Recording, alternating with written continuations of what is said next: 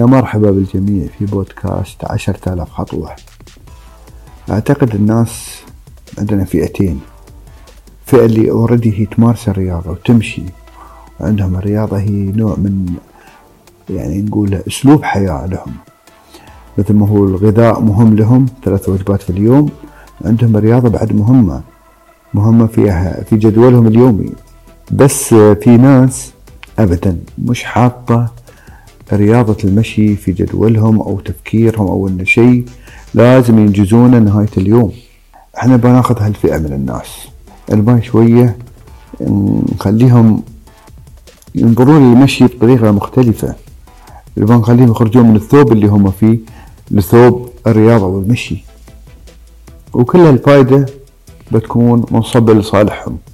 بس هي موضوع أنه كيف تشيل الشخص المتقاعس من أداء مهمة أو وظيفة أنك تخليه يكون فيها اكتف في ناس يعني نقول متقاعسين في الصلاة نوجههم ونتكلم معاهم وفي ناس متقاعسين في الرياضة.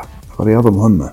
لو نشوف حوالينا الإمارات العربية المتحدة ما شاء الله عليها في كل مدينة. ما أقول بس في إمارة أبو ظبي ولكن كل مدينة.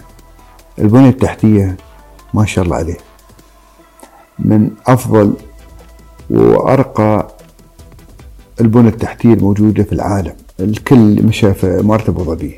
شوف حواليك. في خليفة محمد بن زايد في بنياس في كل مكان. البلدية ما قصرت. أنشأت أماكن مخصصة لممارسة رياضة المشي. عشان أنت تقوم بأنك تمارس هالرياضة ما يحتاج منك أنك أنت تقوم وتعقد نفسك تقول لا لازم ألبس رياضة ولازم ألبس حذاء ولازم ولازم. لا لا لا لا. ما يحتاج. كان دورتك تقدر تمارس الرياضة. بالجلابية تقدر تمارس الرياضة. سواء الله كرمتم أنتم لا إذا لابس رياضة وإذا لابس حذاء رياضي وإذا لابس نعال كرامة. المهم إنك تحرك ريولك شوية هاي. الجو الحين مناسب. الرسالة أنا أوجهها للآباء والأمهات. طبعا الشعب هم مرآة الحاكم والأطفال هذيل هم مرآة الأب والأم. إذا بدينا إحنا وقلنا نخلي عيالنا مثلا يطلعون من هذا الجو جو البيت واللعب وال games والايباد والبلاي ستيشن ونوجههم إنهم يلجؤون لرياضة المشي. طبعا صعب لأي أب وأم إنه يقول ولا يلا قم البس وقم بنتريض ونقوم بنمشي أنا أعتقد إن هذا أسلوب خاطئ. الأسلوب الأصح في إنك أنت تغير من سلوكيات أي شخص تبغى خاصة الأطفال اللي عندك إنك أنت تغير من نفسك كأب. وانت كأم. وخلونا نشوف الطريقة. صدقوني الطريقة ناجحة وأنا جربتها عندي. ما قمت أقول للولد إني بطلع. وتعال معي. لا أخليه هو يشوف بعينه إني أنا يا البس واتجهز إني بطلع. يسألني وين؟ أقول له سار اتريض رياضة. بعد يوم يومين بروح هي من نفسه قال أنا بطلع وياك. سحبته وياي. فهاي الطريقة أنا أشوفها طريقة ناجحة. إذا إحنا بنعمم على الأسرة.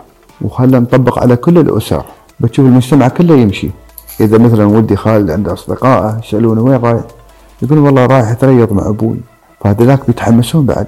فأنا أشوف الأب والأم لازم هم البادرة الطيبة في المجتمع أنهم يحفزون رياضة المشي عند الأطفال اللي عندهم في البيت.